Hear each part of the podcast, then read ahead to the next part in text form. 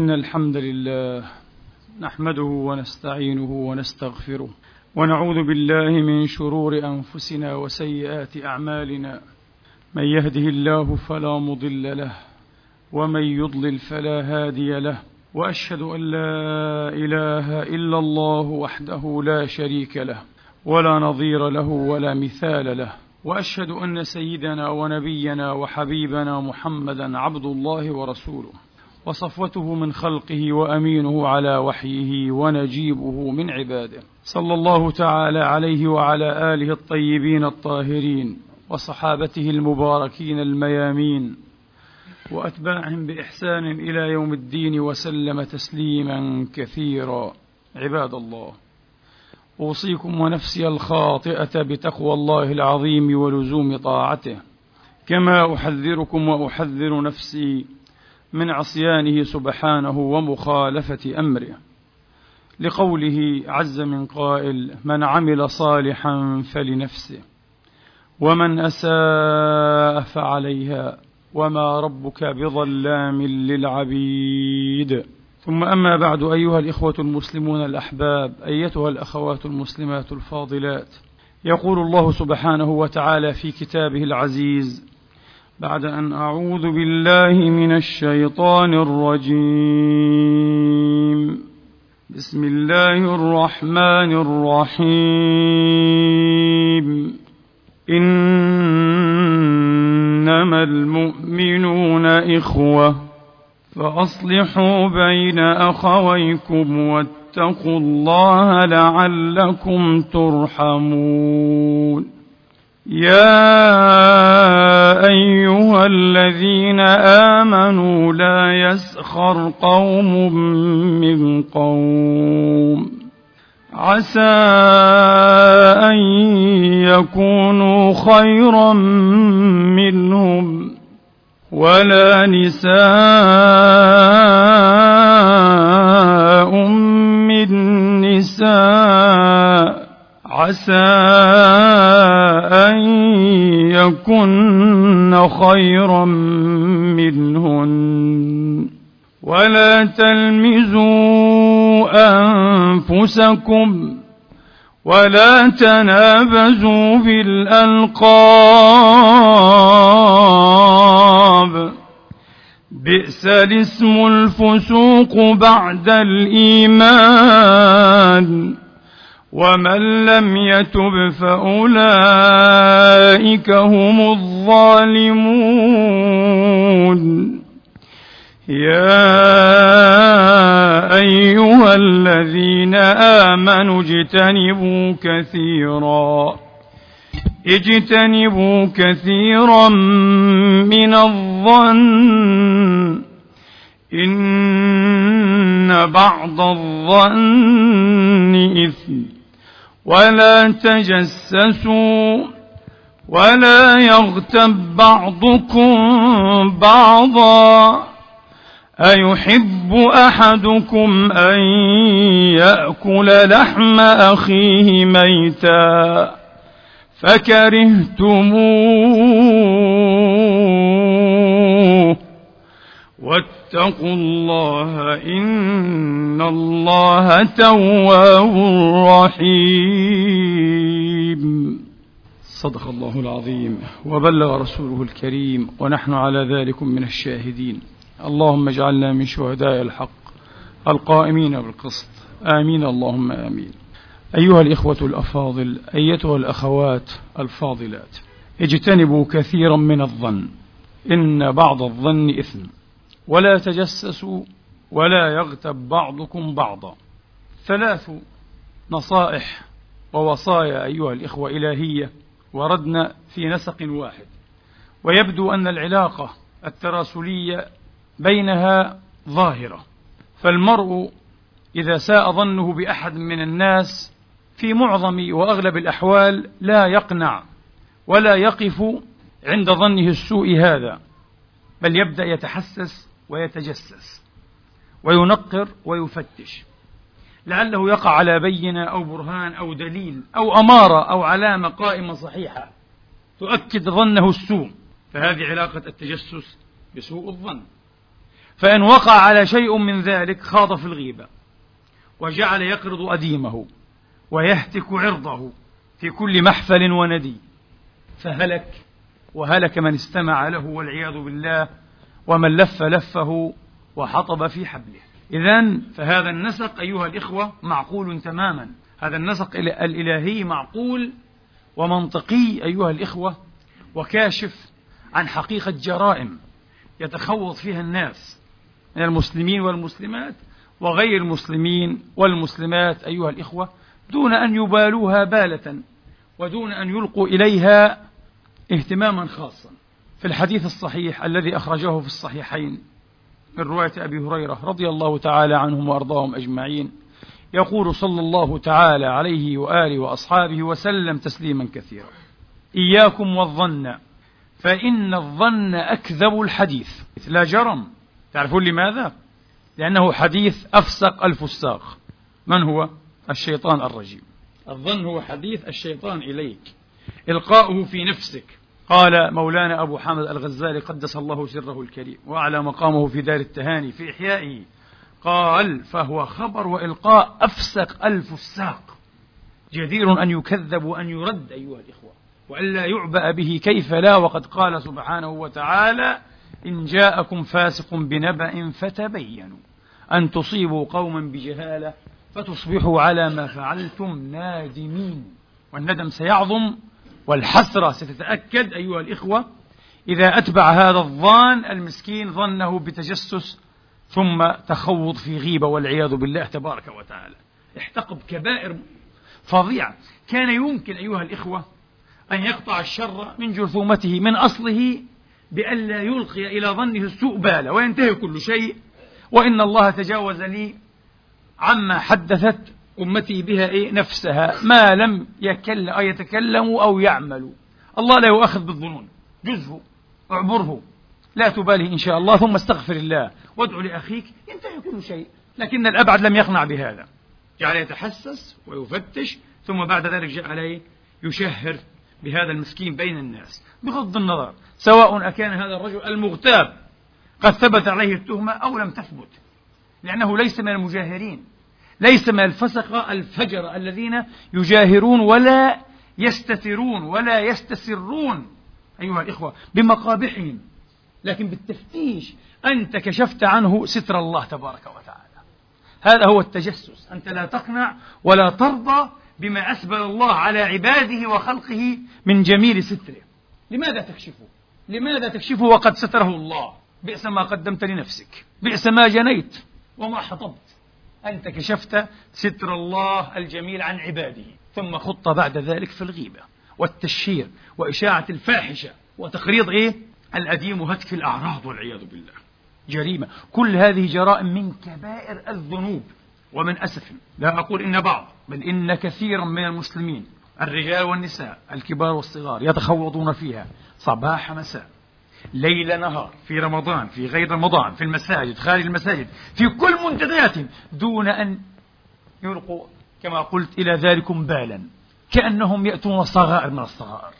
هذا محبط للعمل أيها الإخوة موجب لغضب الله تبارك وتعالى وشاهد على صاحبه بأنه خبيث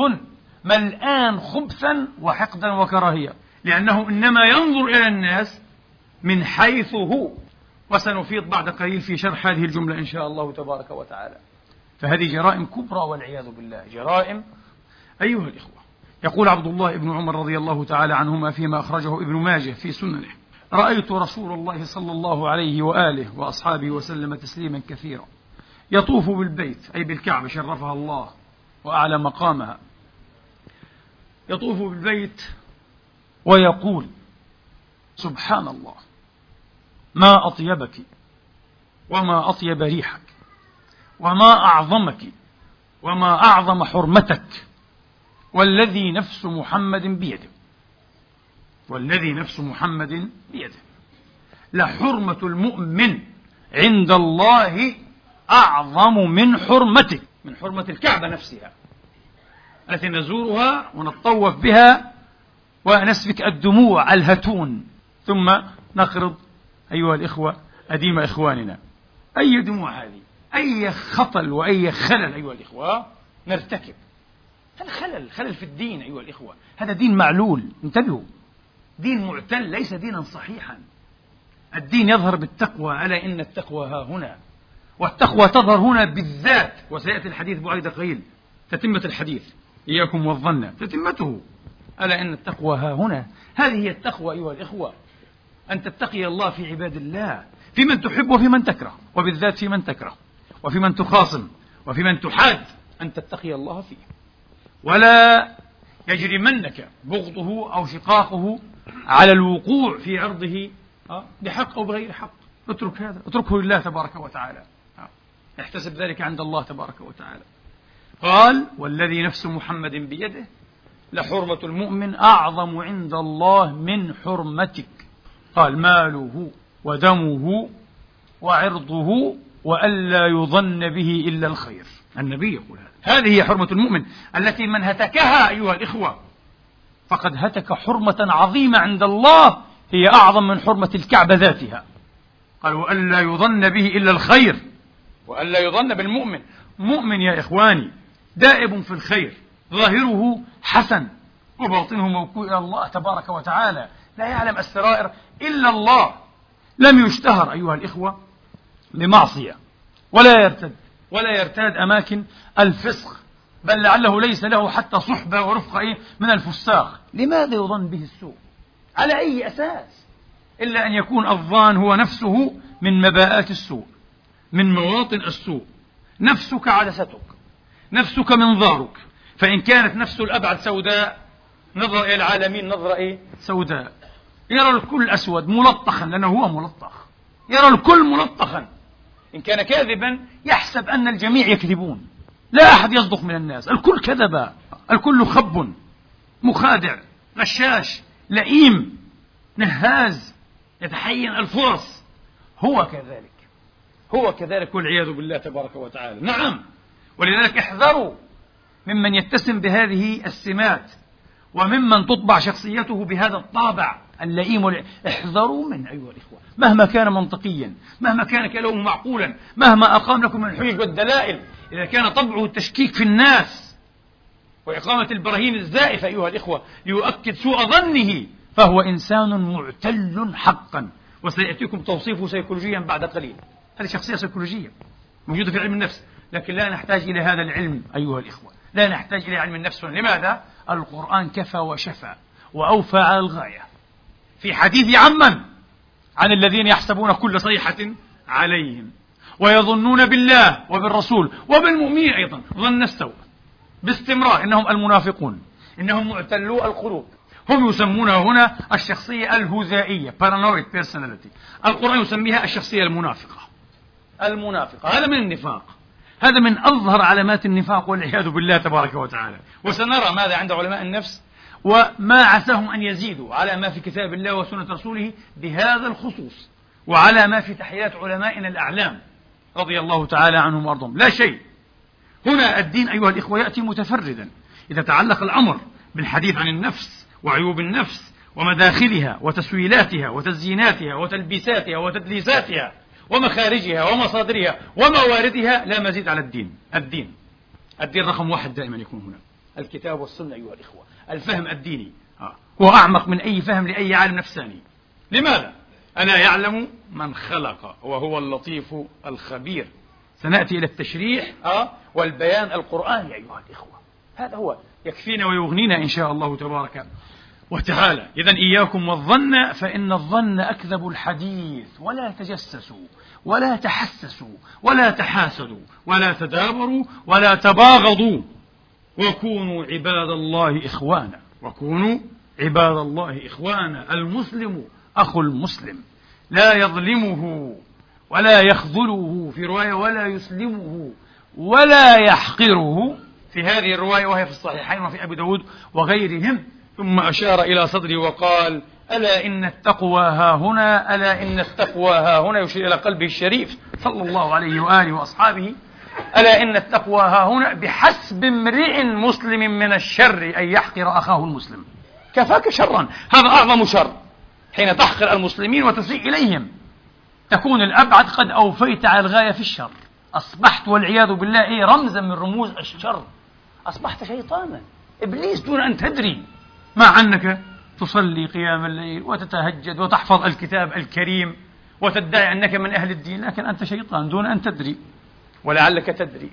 المصيبة أعظم هنا حسب امرئ مسلم من الشر أن يحقر أخاه المسلم لكن بدأ صلى الله عليه وآله وصحبه وسلم بدأ بسوء الظن بالذات لماذا؟ كأنه يقول هذا مفتاح كل شر وقد رأينا في الآية الله بدأ بما بدأ أيضا به إيه؟ رسوله من بعده قال ولا تجسسوا ولا عفوا اجتنبوا كثيرا من الظن ولا تجسسوا ولا يغتب بعضكم بعضا بدأ بماذا؟ بالتج... إيه، بدأ بسوء الظن ثنى بالتجسس وثلث بالغيبة في نسق واحد كما قلت أيها الإخوة والأخوات لكن قبل أن نأتي إلى نقطة المقام ومسألة الخطبة الرئيسة أيها الإخوة هل المؤمن ينبغي أن يكون في ضوء هذه النصوص الكريمة أن يكون غرا يعني ذا غرارة جاهلا بالأمور جاهلا بالزمن بالأحوال بالناس مداخلهم ومخارجهم ومصادرهم ومواردهم هل ينبغي أن يكون غفلا مستغفلا غافلا يضحك عليه ويهزأ به وينصب لها وينصب له أدنى شرك وأصغر فخ فيقع فيه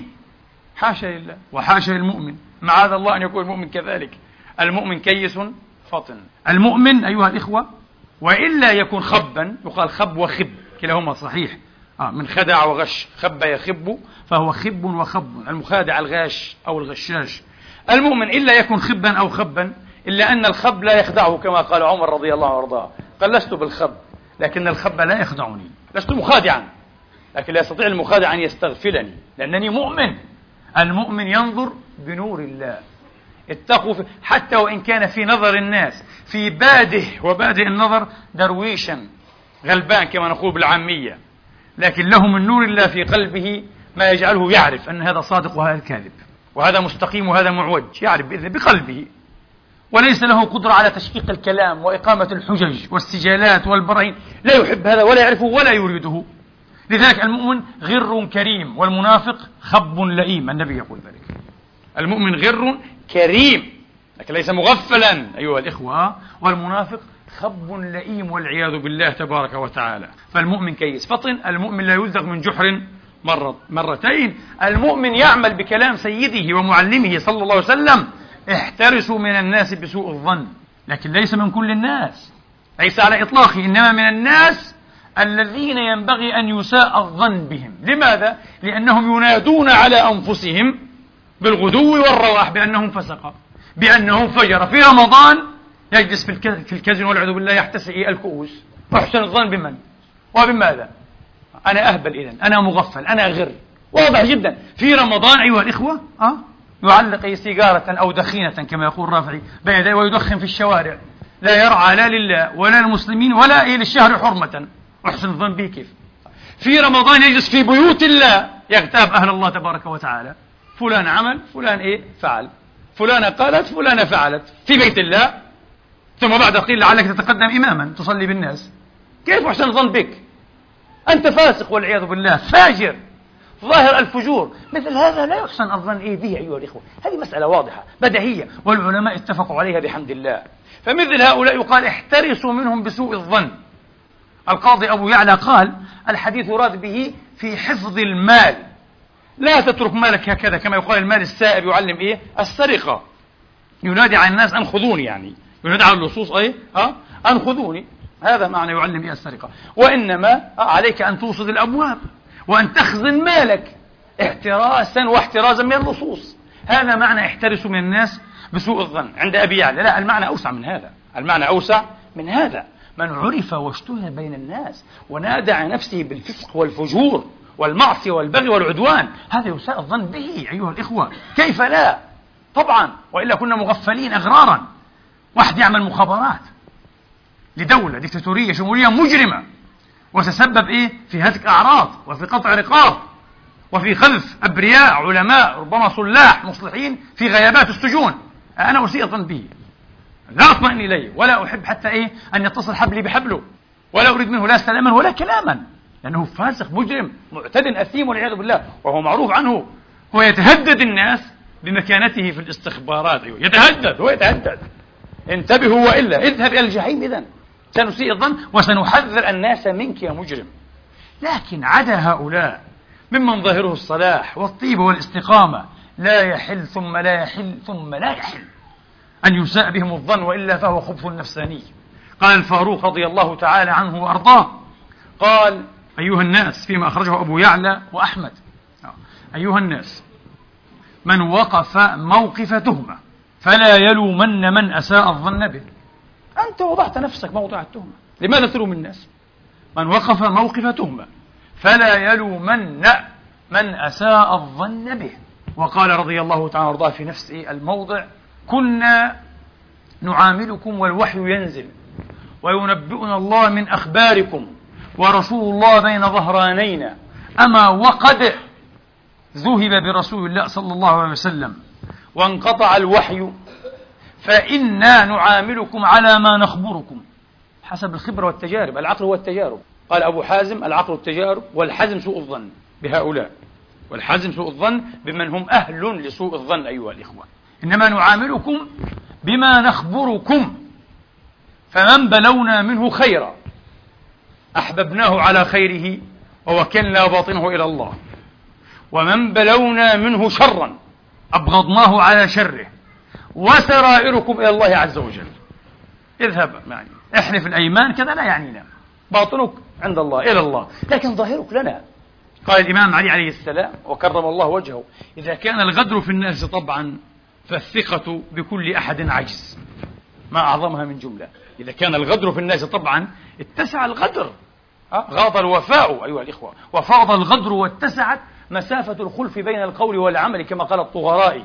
في لميته المشهورة لمية العجم هذا حال الزمان هذا حال إيه؟ الزمان والعياذ بالله ولذلك أحكام فقهية كثيرة تغيرت غيرها الفقهاء والأئمة المجتهدون بناء على تغير ماذا؟ ذمم الناس اتساع الذمم وتخرقها والعياذ بالله تبارك وتعالى فتغيرت تغيرت أحكام كثيرة هم لاحظوا هذا والعياذ بالله لاحظوا هذا والأحاديث نص على ذلك نعود إلى نقطتنا الرئيسة أيها الإخوة ما الذي يحمل المرء على أن يسيء الظن بالناس الأطايب أطايب القوم الصالحين المصلحين لماذا؟ أبو حامد الغزالي قدس الله سره يقول وإنما ينظر من حيث هو المرء ينظر من حيث هو إن كان طيبا ونفسه بريئة شفافة أيها الإخوة كريمة ظن أن الناس تقريبا جميعا إلا من استثنينا لأنهم ينادون على أنفسهم بأضداد هذه المعاني ظن أن الناس كلهم كذلك بل يغلب على ظنه وربما أيقن أنهم جميعا أفضل منه المؤمن الغر الكريم الصادق أيها الإخوة لا يرى مؤمنا ظاهره إيه؟ جميل مستور إلا ويظن أنه خير منه عند الله ويرجو دعوته ويتبرك به كان بكر ابن عبد الله المزني التابعي الجليل والولي الصالح قدس الله سره الكريم لا يرى شيخا إلا قال هذا خير مني وهو عالم وولي كبير يقول هذا الشيخ خير مني عبد الله قبلي أسن مني وبالحري أنه أنه قضى عمره كله إيش في العبادة فبحكم السن هو أفضل مني عند الله فيرجو دعوته ولا يرى شابا طيب هذا شاب أصغر منك عاد أنت خير منه لا لا يرى شابا إلا قال خير مني معاصيه أقل من معصيتي سبقته بالمعصية أنا أكبر منه عندي معاصي أكثر أكيد هو لسه شاب آه حسابه إيه ضئيل آه شيء عجيب يعني المعيار حتى متفاوت هو لا إيه يعير بمعيار واحد يقول هذا خير مني وأنا خير من هذا بنفس المعيار يقول لا شوف هذا المؤمن كذا وبصدق كامل يقول هذا خير مني أه عبد الله قبلي وهذا الشاب أصغر مني خير مني معاصيه أقل إيه من معصيتي سبقته بالمعصية رضي الله تعالى عنه وأرضاه وهو القائل عليكم بأمر إذا أصبتم أجرتم وإذا أخطأتم لم تأثموا قالوا ما هو قال حسن الظن أحسن الظن إن وافق الواقع والحقيقة أجرك الله وإن أخطأت وأحسنت الظن في من هو إيه والعياذ بالله ظنين لم تأثم عند الله قال الشيخ محي الدين في الفتوحات المكية فإن الله تبارك وتعالى ليس يسأل أحدا يوم القيامة عن سوء الظن لماذا عفوا عن حسن إيه الظن لماذا أحسنت الظن بالناس أبدا وإنما العبد يسأل يوم القيامة عن ماذا؟ عن سوء ظنه لماذا ظننت السوء بهذا وهذا؟ أين البرهان؟ أين الدليل؟ الذي هو كالشمس في رابعة النهار النبي كان يقول على مثل الشمس فاشهد وإلا فلا سوء الإمام علي ما الفرق بين الحق والباطل فقال أربعة أصابع الباطل ما سمعت الحق ما رأيت هل رأيت بعيني رأسك؟ لا سمعت بقوله يقال قال صلى الله عليه وسلم ها بئس مطية الرجل زعموا أخرجه مسلم والله يقال جرينا في الجريدة مش عارف بيقولوا في التلفزيون هل رأيت بعينيك؟ ما دخلك أنت؟ لماذا تهلك نفسك؟ لماذا تحبط أعمالك؟ لماذا تستوجب غضب الله عليك بهذه الحماقات والبلاهة؟ قال أربعة أشوف الحكمة الحكمة عليه السلام الحكمة أربعة أصابع قال الله أكبر والله أرسطو والله أرسطو يعجز عن هذا الجواب أشهد بالله لو سئل أرسطو ما الفرق بين الحق والباطل مستحيل أن يوفق إلى مثل هذا الإعجاز يا جماعة الله على مثل النبي قال على مثل الشمس فاشهد هذا هو إذا أيها الإخوة السبب والعياذ بالله تبارك وتعالى أن المرء ينظر من حيث هو ليس عن خبرة إن خبرت عندك خبرة وبرهان أهلا وسهلا أبو الدرداء قال أخبر تقلي أخبر تقلي وليس تقله تقلي من قلا يقلي بمعنى ترك وتعزل وفي الأرض منأ للكريم عن الأذى وفيها لمن خاف القلى متعزل قلاه يقليه إذا تركه وترك إيه؟ وخلاه فقال أخبر امتحنه تتركه بعدين أخبر تقله الجواب هذا قال الشاعر من حمد الناس ولم يبلهم ولم يبلهم ماذا قال عمر قال نعاملكم بما نخبركم لسنا أغبياء لسنا ممن إيه يكون أحدهم أذن فقط أذنا يسمع كل شيء هذا فلان شيخ الأولياء هذا رجل خطير لا لا لا نختر بالكلام لا في الخير ولا في السوء لكن نعظم حسن الظن إن شاء الله تعالى ونقدمه ولكن أهم شيء التجارب العقل التجارب يا أخي الخبرة قال من حمد الناس ولم يبلهم ثم بلاهم ذم من يحمد وصار بالوحدة مستأنسا يوحشه الأقرب والأبعد لأنه تغير السبب ما هو السبب هو هذا أن الإنسان ينظر من حيث هو من زاويته هو بمنظاره بعدسته هو أبو حامد قال هذا هذا يسمى في علم النفس واقرأوا ما شئتم الكتب كثيرة جدا والمراجع موجودة أيها الإخوة حين تقرأ عن الشخصية الهذائية مش الهذائية كل الأمراض أيها الإخوة تأتي على وزن فعال ذهان صراع خواف آه، هذاء فعال أما الهذيانات نفسها تسمى الهذاءات عاد مش الهذاءات مش منسوبة ديلوجنز إقرار عن الديلوجنز وعن الشخصية الهذائية أيها الإخوة يتكلمون عن الإسقاط بروجيكشن هو نفسه كذلك يسقطه يأخذه يطرحه على مين؟ على الآخرين يقول هم كذبة وهو الكاذب هم خونة يا أخي لا يؤتمنون على شر ونقير هو خوان هم هتاكون للأعراض لا يؤتمنون على طفلة هو كذلك انتبهوا أخطر هؤلاء من أخطر عباد الله علم النفس فضحهم والدين فضحهم من قبل الدين فضحهم من قبل المنافقون كما قلنا الذين يلمزون المتطوعين من المؤمنين في الصدقات والذين لا يدون إلا جهدهم فيسخرون منهم سخر الله منهم ولهم عذاب أليم الشخصية الهذائية بالمصطلح القرآني المنافقة الشخصية الهدائية أول سماتها واحد لا تثق بدوافع الناس ولا بأفعالهم الخيرة يرى إنسان يتصدق لا لا لا تصدق ليش أكيد يضع شيئا ليأخذ أكثر منه أكيد عنده دعاية انتخابية أكيد في مصلحة أكيد بده يرفع من خسيسته أكيد في عنده هدف أكيد أكيد ما شاء الله إلى آخر الزمن وهو يحلل لا يثق لا يمكن أن يؤمن أن الناس يعملون أي الخير لوجه الله محبة في الخير نفوس طيبة كريمة لا يؤمن لأنه هو ليس كذلك هو لا يمكن أن يسلف خيرا من غير إيه؟ من غير مقابل هذا المنافق ولذلك قال إنهم كانوا يلمزون إيه الذين إيه ومنهم من يلمزك في الصدقات فإن أعطوا منها رضوا وإن لم يعطوا منها إذا هم يسخطون هو كل شيء هو المعيار أيها الإخوة هو إيه المعيار المطلق مش الخير والفضائل والقيم والدين والآخرة ما في كل شيء يتعلق به هو مركز الكون ومركز القيم ومركز العالم ومركز المعايير والدساتير هو شخصية ملتافة شخصية خطيرة جدا جدا خاصة إذا كانت قائدة عاد زعيما سياسيا أو عسكريا أو دينيا روحيا أخطر شيء ويكون شخصية ماذا هذائية يعني منافقا والعياذ بالله ولذلك لما جاء سبب نزول هذه الآية الكريمة سورة التوبة براءة لما جاء عبد الرحمن بن عوف يجيش جيش العسرة تبوك فأتى بأربعين أوقية ذهب ثروة طائلة ودفعها قال رسول الله هذه إيه؟ للجيش يعني جعلوا يتحدثون الهذائيون هؤلاء المنافقون ثم جاء رجل من فقراء الأنصار مسكين معدم جاء بصاع من تمر صاع ووضعه بين رسول الله للجيش فماذا قالوا انتبهوا قالوا والله يحلفون على آه، على فكرة المنافقون في كتاب الله من أكثر ما وصموا به أيها الأخوة كثرة الحلف يحلفون كثيرا العوام أذكياء صدقوني العوام آه، العقل العام هذا ما هو غبي ذكي كثيرا في أشياء كثيرة يكون ذكيا جدا يقولون آه قيل للكاذب احلف قال جاءك الفرج كثرة الحلف عند العوام على مع الكذب أنك لا تثق بما تقول إذا كنت واثقا لما توكد بالأيمان نحن لم نستحلفك يا أخي ولم نتهمك لكن كاد المريب يقول خذوني هو يستريب في نفسه يعلم أنه إيه مريب والعياذ بالله لذلك يحلف كالمنافقين يحلفون يحلفون يحلفون سيحلفون باستمرار يوم القيامة يحلفون بين يدي الله كما يحلفون لكم ويحسبون أنهم على شيء ألا إنهم هم الكاذبون حتى يوم القيامة معهم هذا المرض الداء العضال كأن الله يقول هذا داء عياء داء عضال داء النفاق والعياذ بالله شيء خطير جدا نسأل الله أن يعصمه ويحفظه وأن يطهرنا من نفاق صغيره وكبيره أيها الإخوة قال والله ما جاء عبد الرحمن بهذا إلا رياء قال هذا بيعمل بروباغندا لنفسه دعاية قال يعني شوفوني إن أنا غني وأنا إنسان إيه بجيش إيه الجيش كان منافق هذا قالوا ما جاء به إلا رياء منافقون طب هذا الأنصار الغلبان لم يأتي بأربعين أوقية ولا بأوقية جاء بصاع من تمر من بيته تمر لا يراء به هذا فقير غلبان هذا المفروض أن يخجل أكثرنا الآن للأسف وهذا خطأ يخجل من أن يقدم صدقة صغيرة منزورة بيخجل يقول لك لا ما قدمش أحسن لا بالعكس شيء خير إيه من لا شيء وقليل خير إيه من لا شيء بالعكس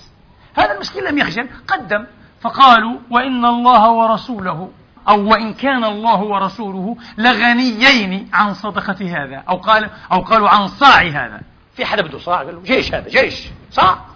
طيب أبو الصاع لم يعجبكم وأبو أربعين وقيم ذهب لم يعجبكم ما الذي يعجبكم قاتلكم الله يسمع متحدثا يقول آه يتفيهق ويتفلسف ويتفاصح يعمل نفسه سيبويه ما هذا يا أخي ويسمع محدث يقول ما هذا هذا خبي هذا كل كلام ملحن ويكسر الإعراب لا يعرف شيئا يا أخي ما الذي يرضيكم حدثني أحد الإخوة أه؟ قال في بلدتنا حدثكم مرة عنها قبل سنوات قال في بلدتنا قال وهي بلدة عجيبة قال يا أخي حدثني أه؟ قال بلدة عجيبة قال والله وفعلا ما سمعت بأعجب من هذا إلا يمكن في حكايات الجاحظ وأبي حيان وكذا قلت كيف قال إذا قام الإمام وجود الخطبة المسكينة آه، وظنوا أنه أطال ثلاثين دقيقة يقومون عليه قومة رجل واحد ما هذا يا شيخ ورانا أعمال طولت كثيرا لا يجوز المسكين يسقط في يده قال فيأتي في الأسبوع المقبل فيقصر يا شيخ هذه خطبة لم تفتتحها حتى اختتمتها هذه خطبة يا أخي لم نتعلم شيئا يا رجل اتق الله فينا ثم حدثني عنهم وإذا بهم والعياذ بالله فيهم خصال كثيرة من خصال المنافقين فيهم الغيبة والتجسس والتحسس والجراءة على الفسق أبوه نفسه قال لي قال أبي هو الذي جرأني على المعصية فعصيت الله في الغربة حين كان معي قال يا بني أنت ذهبت لتدرس الطب وليس الدين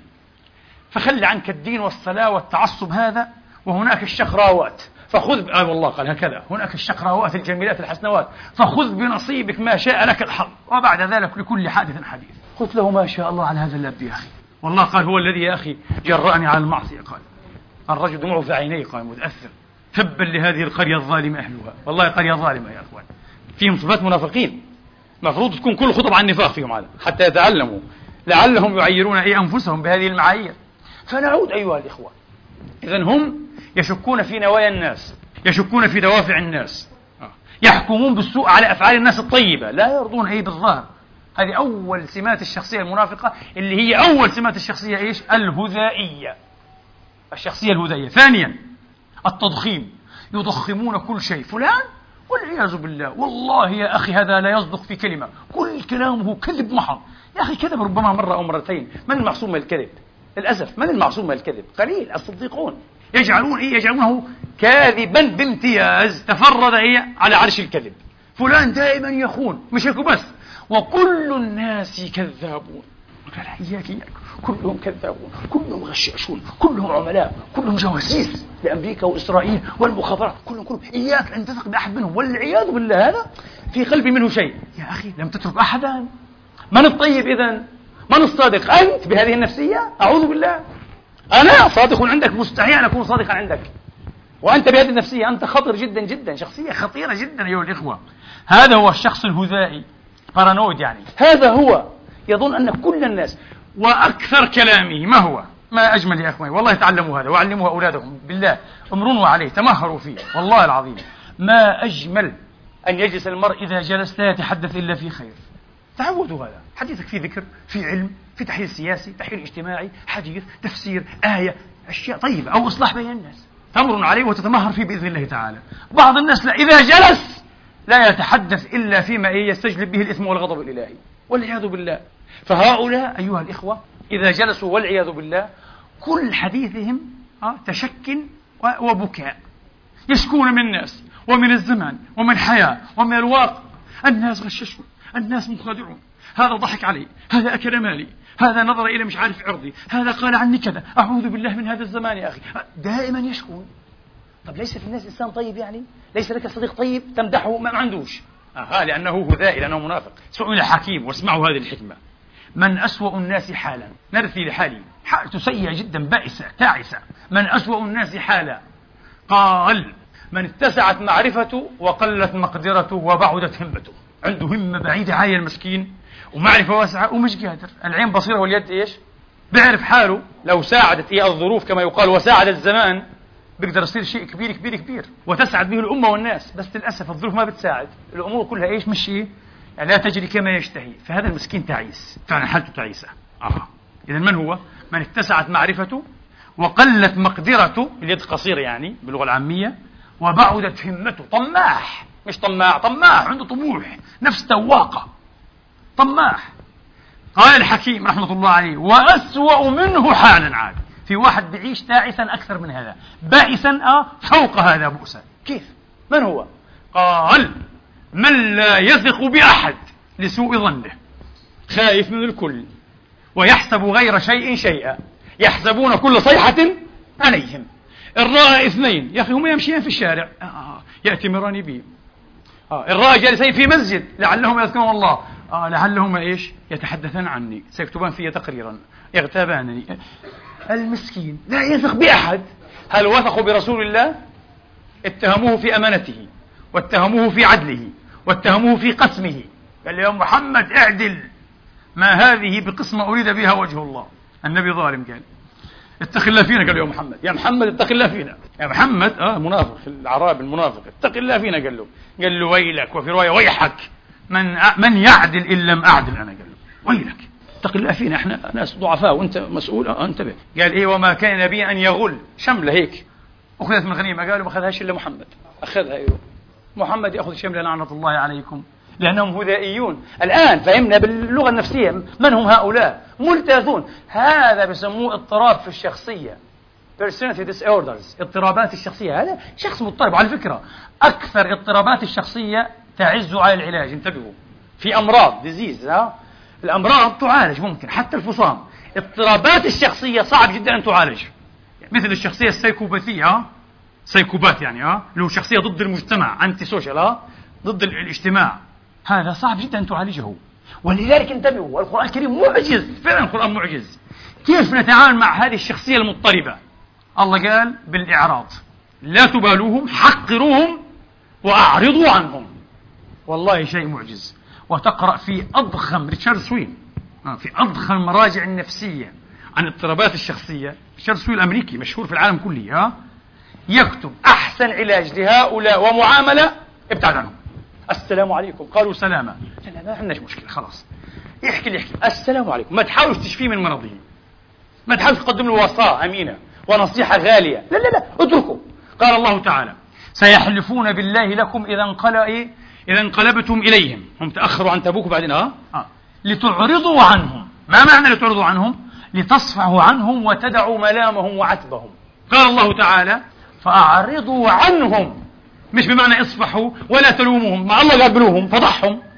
كشف عن أسرارهم وهتك أستارهم إذا بصير كلام غير متناسق لا قال المفسرون فأعرضوا عنهم اعرض إعراض مقت واجتناب ولا مبالاة وتحقير أبروح روح لماذا؟ إنهم رجس لأنهم نجاسة وخبث والرجس إيش بتن؟ فكك منه رجس هذا أخسر طريق للتخلص إيه من ألم وهيدك ومشاكل هؤلاء أيها الإخوة الهدائيين أعرضوا عنهم لا تناقشه وجرب هذا أنا أتحداك جرب إن ابتلاك الله بهدائي جرب أنك تعرضه وتنصح له وتبره ستفشى ولو بعد عشر سنين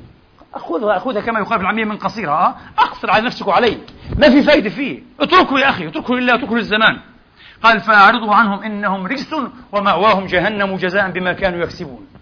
الله اكبر على هذا الكتاب العزيز العجيب يا اخي كتاب معجز يعرف كل شيء لأنه طبعا اللطيف الخبير يعلم خائنة الأعين وما تخفي الصدور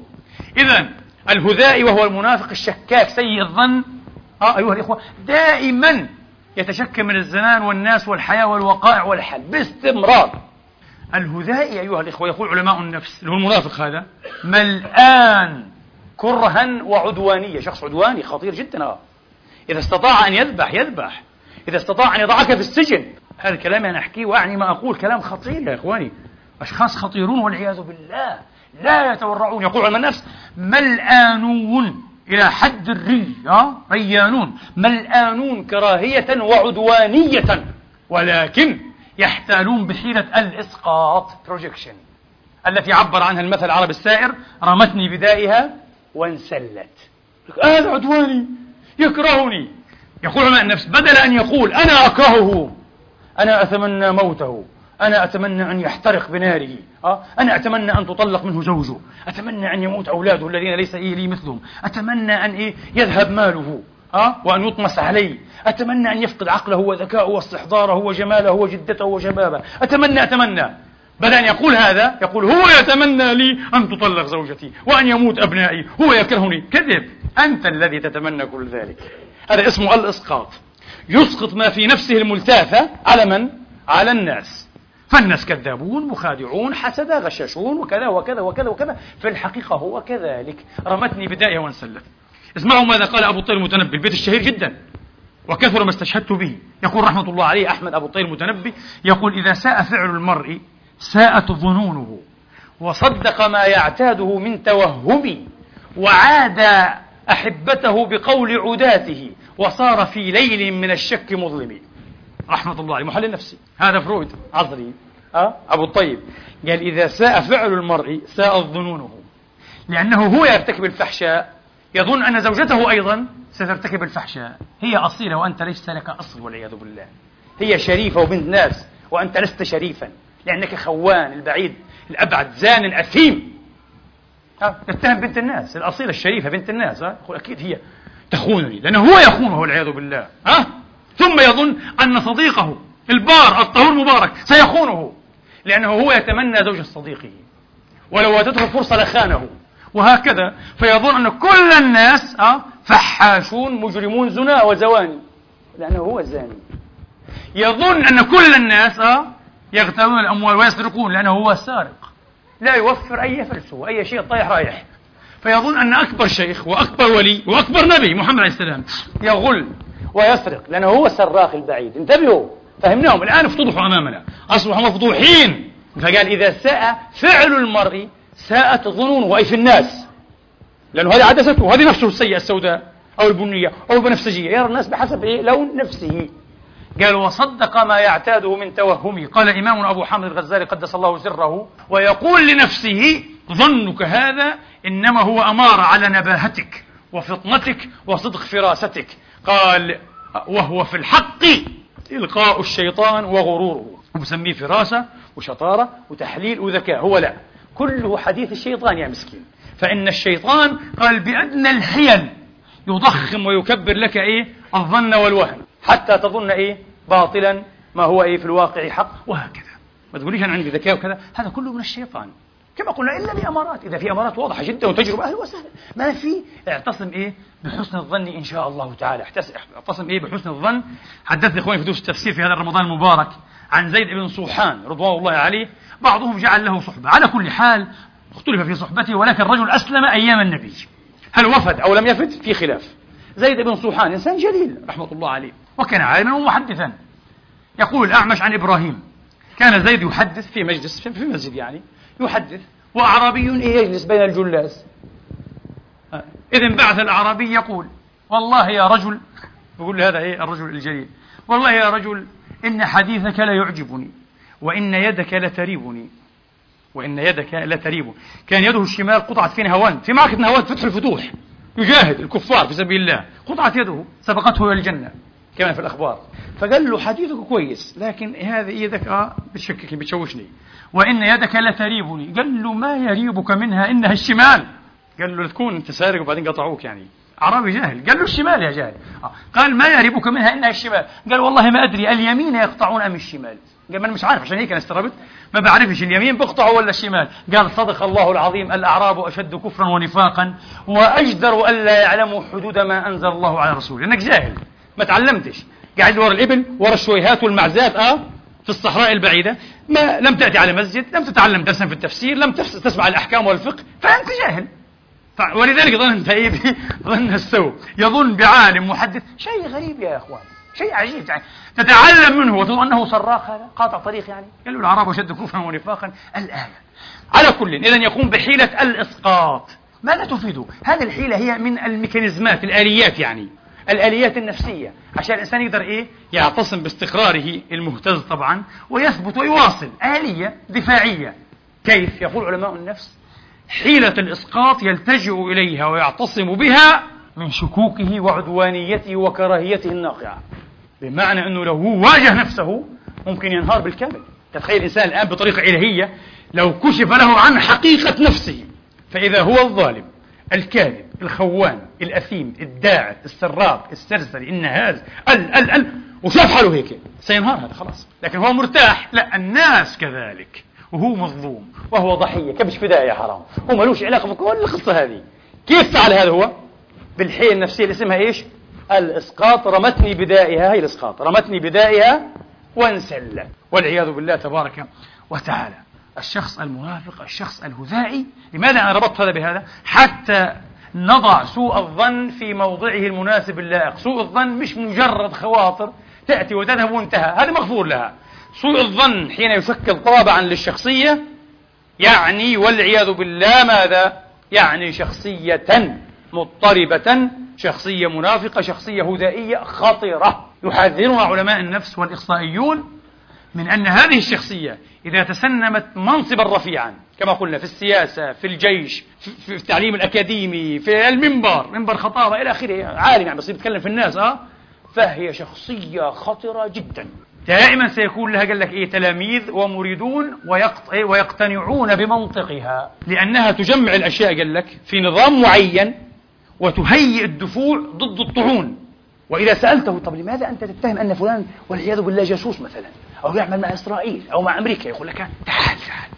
أنا سأتيك بالبينة واحد اثنين ثلاثة خمسين المتعلم هذا أه؟ عالم أكاديمي سياسي جنرال بس هو شخص هذائي انتبه أه؟ ستقتنع عن من أشهر الشخصيات الهذائية في القرن العشرين هتلر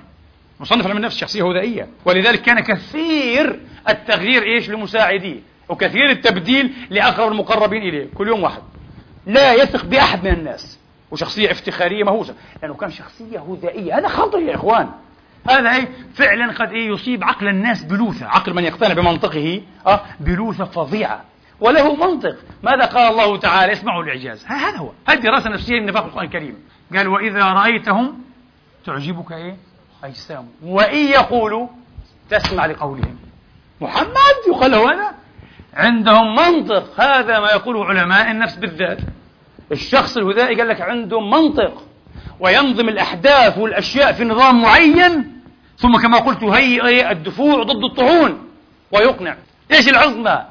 بعد الله تبارك وتعالى حفظه العصمة أن يكون لنا قدرة نفسية تحليلية بحيث نعرف مبدئيا أنه شخص هدائي إذا هيك نحترس منه ولا نحب نسمع ولا نحب نشوف الله يسهل عليك السلام عليكم نسأل الله تبارك وتعالى أن يحسن ظننا بالله وأن يحسن ظننا بإخواننا المسلمين وأخواتنا المسلمات وأن يجعلنا ممن سلمت صدورهم وقلوبهم لهذه الأمة المرحومة إنه ولي ذلك والقادر عليه أقول قولي هذا وأستغفر الله لي ولكم فاستغفروه الحمد لله الحمد لله الذي يقبل التوبة عن عباده ويعفو عن السيئات ويعلم ما تفعلون ويستجيب الذين آمنوا وعملوا الصالحات ويزيدهم من فضله والكافرون لهم عذاب شديد وأشهد أن لا إله إلا الله وحده لا شريك له وأشهد أن سيدنا وحبيبنا محمدا عبد الله ورسوله صلى الله تعالى عليه وعلى آله وأصحابه وسلم تسليما كثيرا أما بعد أيها الإخوة والأخوات يقول صلى الله عليه وآله وأصحابه وسلم خصلتان ليس فوقهما شيء من الخير ما هما يا رسول الله حسن الظن بالله وحسن الظن بالناس حسن الظن بالله وحسن الظن وأنا عند ظن عبدي إيه بي نسأل الله أن يعظم ظننا الحسن به فإن ظننا به حسن جميل إن شاء الله تعالى وخصلتان ليس فوقهما شيء من الشر سوء الظن بالله وسوء الظن بالناس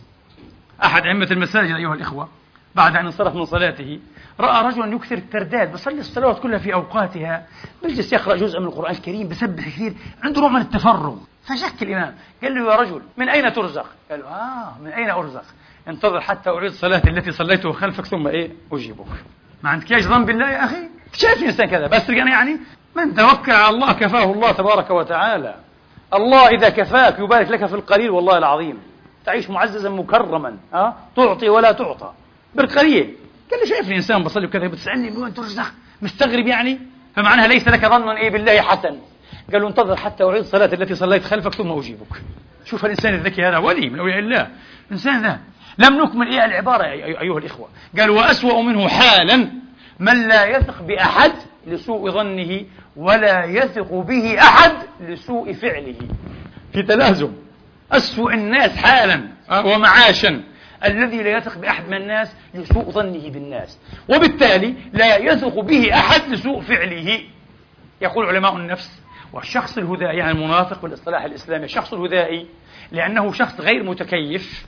آه لا يستطيع أن يتكيف مع الناس ولا أن يندمج في المجتمع اندماجا إيجابيا سليما فاعلا آه فإن الناس ينصرفون إيه عنه فإذا انصرف الناس عنه ازدادت شكوكه وتأكدت هلاوسه وضلالاته آه التي إيش يمسحها بمسحة المنطق والعقلانية والمسمى في لغة علم النفس بالضلالات أو الهداءات وبصير هذا معجم قاموس دائما هو يتكلم إيه من خلال مفرداته باستمرار اسمها ديلوجنز ديلوجنز عن الهذاءات والضلالات هو تسبب في هذا الناس انصرفوا عنه لأنه غير متكيف من الصعب أن تتكيف معه بعض الناس فعلا يا إخواني والله العظيم لطيف المحضر حسن المخبر والمعشر يتمنى الناس حضوره كما قال أم علي قال يا بني عاشروا الناس معاشرة إذا غبتم حنوا إليكم وإذا متم بكوا عليكم هذا ممكن وفي ناس لا إذا حضر فإن الناس يفرنقعون يتبعثرون لا يحبونه لا يحبون حتى أن يسمعوا إليه فتتأكد ضلالاته بما جنت يداه والعياذ بالله لا يثق به أحد لسوء إيه؟ لسوء فعله أنت بالأمس طعنت في عرضي أنا أول أمس طعنت في عرض هذا في عرض تلك في عرض هذا إذا من يبقى معصوما منا لا لا لا لا, السلام عليكم فتتأكد ضلالاته والعياذ بالله تبارك وتعالى بكر ابن عبد الله المزني وأختم به رضي الله أرضاه أوصانا قال يا أخي إذا رأيت الناس يكرمونك شوف كيف الظن إذا رأيت الناس يكرمونك فقل خير سبقوا إلي وفضل احتازوه ناس طيبين بيعملوا خير يحبوا يساعدون كذا لأنهم ناس طيبون وإذا رأيت الناس يجفونك رأيت منهم جفاء ومقتا وقلا إذا رأيت الناس يجفونك فقل ذنب أحدثته بشؤم ذنبي أنا أذنبت ما بيني وبين الله ليس عامرا فصرف الله عني قلوب المؤمنين بدون منافقون كذابون مصلحيون يقول أنا المذنب والعياذ بالله تبارك وتعالى قال أبو الدرداء رضوان الله عليه قال صلى الله عليه وسلم ليحذر امرؤ مسلم أن تلعنه قلوب المؤمنين وهو لا يشعر قالوا كيف يا رسول الله كيف القلوب مش الألسنة القلوب تلعنه قال يخلو بمحارم الله فينتهكها فتلعنه قلوب المؤمنين المؤمن يشعر انه هذا مش نظيف بس في القلب نسال الله تبارك وتعالى أن يجعل علانيتنا صالحة وأن يجعل باطننا خيرا من علانيتنا برحمته إنه أرحم الراحمين اللهم اهدنا فيمن هديت وعافنا فيمن عافيت وأصلحنا لك كما أصلحت الصالحين برحمتك يا أرحم الراحمين اللهم اجعلنا نخشاك حتى كأننا نراك وأسعدنا بتقواك ولا تشقنا بمعصيتك وخر لنا في خضائك وبارك لنا في قدرتك اللهم لا تجعلنا من هذه الأمة إلا في خير اللهم اجعلهم في أمان ومأمن من شرنا ظاهره وباطنه برحمتك يا أرحم الراحمين أصلح ذات بيننا وألف بين قلوبنا وادرأ عنا فتن شياطين الإنس والجن برحمتك إنك ولي ذلك والقادر عليه عباد الله إن الله يأمر بالعدل والإحسان وإيتاء ذي القربى وينهى عن الفحشاء والمنكر والبغي يعظكم لعلكم تذكرون فستذكرون ما أقول لكم وأفوض أمري إلى الله إن الله بصير بالعباد قوموا إلى صلاتكم يرحمني ويرحمكم الله